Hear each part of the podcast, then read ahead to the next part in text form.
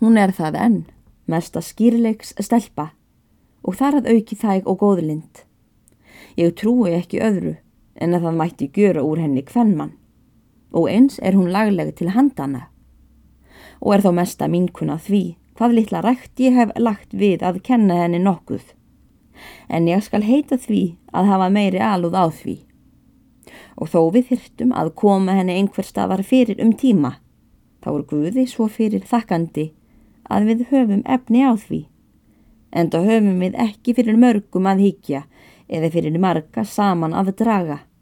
Fyrst Guði mínum góðum þóknaðist að taka þá til sín sem menn eru vanir að vilja helst unna þess litla sem maður á. Við þessi seinustu orð þagnaði Þórtís um stund og gati engu orði upp komið fyrir kjökri. Bóndi hennar var þess að var og sagði um leið og hann strauk hendinni um kinn hennar. Við skulum ekki minnast á það, geskan mín.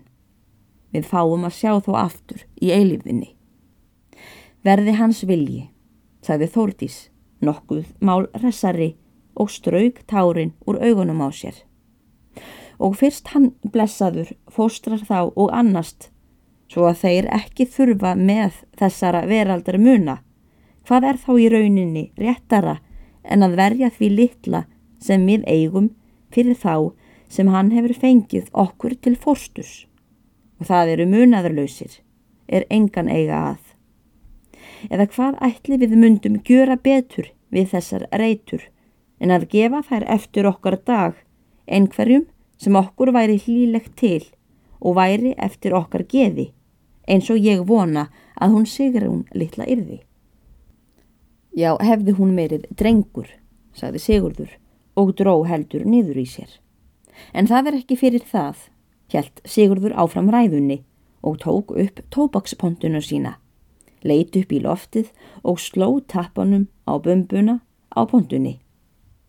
Þó það sé lítið sem við eigum, þá mun einhver verða til að þykja það.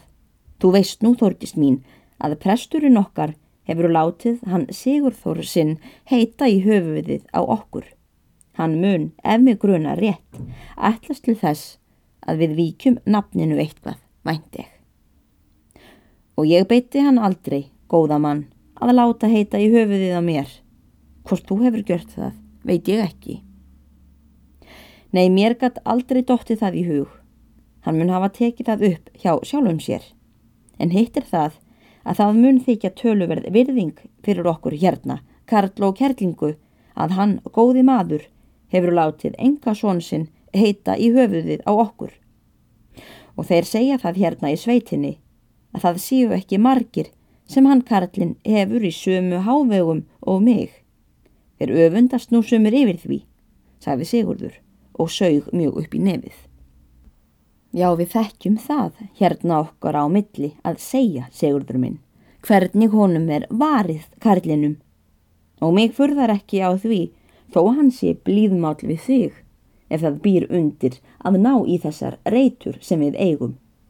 Því ef hann getur gjört sig allan að smjöri fyrir einn lítil fjörlegan púsunartoll, þá förðar mig ekki á því að hann sé blíður ef til einhvers er að vinna. Já, hvað sem sumir segja um hann góða mann, þá hef ég ekki þórtist mín að segja að því að hann hafi reynd til að fá meira hjá mér en hann hefur átt. Það er satt að hann hefur tekið við því sem ég hef gefið honum fram yfir en hann hefur þá ætið sagt ég á þetta ekki og stungið því í vasa sinn, sagði Sigurður. Og stundum hefur hann þá gefið okkur meir en því nundi. Það er satt, Sigurður minn. Hann hefur stundum vikið okkur smálega, en sá vill ekki eiga fiskin sem sér eftir beitunni. Og sé svo að ekkert búi annað undir vinnamálum hans, þá erum við meiri lánsmenn en sumir aðrir en oft hefur mér dottið hitt í hug er ég hef síð hvað mikið far hann hefur gjört sér um að kessa þig að til þess erðu revarnir að vera skortnir að hann á endanum ætlaði sér að verða skadlaus eða hefur hann aldrei látið þig ráða í að hann eða hans erðu njótandi að því sem við eigum Nei, sagði Sigurður bóndi. Hann hefur ekki, það ég man, nunnað að því einu orði. En hitt hefur hann stundum sagt við mig að hann vissi ekki til hvers við værum að búa, barnlaus og ómogalös. Það væri réttast fyrir okkur að fara til sín í húsmennsku og hafa svo sem eina kú í hegjum og nokkrar kindur. Og á þann hátt gætum við átt eins náðugt og við vildum. Og rétt, segir hann, Guðsmaðurinn, en það er ekki vist honum verði kápan úr því klæðinu, sagði Þórdís. En sleppum nú þessu og svo að ég viki nú málinu aftur að því sem við vorum að tala um áðan, þá skilst mér að við séum ásátt um það að rekja ekki hana Sigrunum litlu frá okkur á meðan hún vil hýrast hjá okkur. Og ekki mun það verða okkur að sundur þykju að þú fáir ekki að ráða svo litlu, þórtis mín, sem að gefa einum ungling að geta og ekki skal ég amast við henni róinu.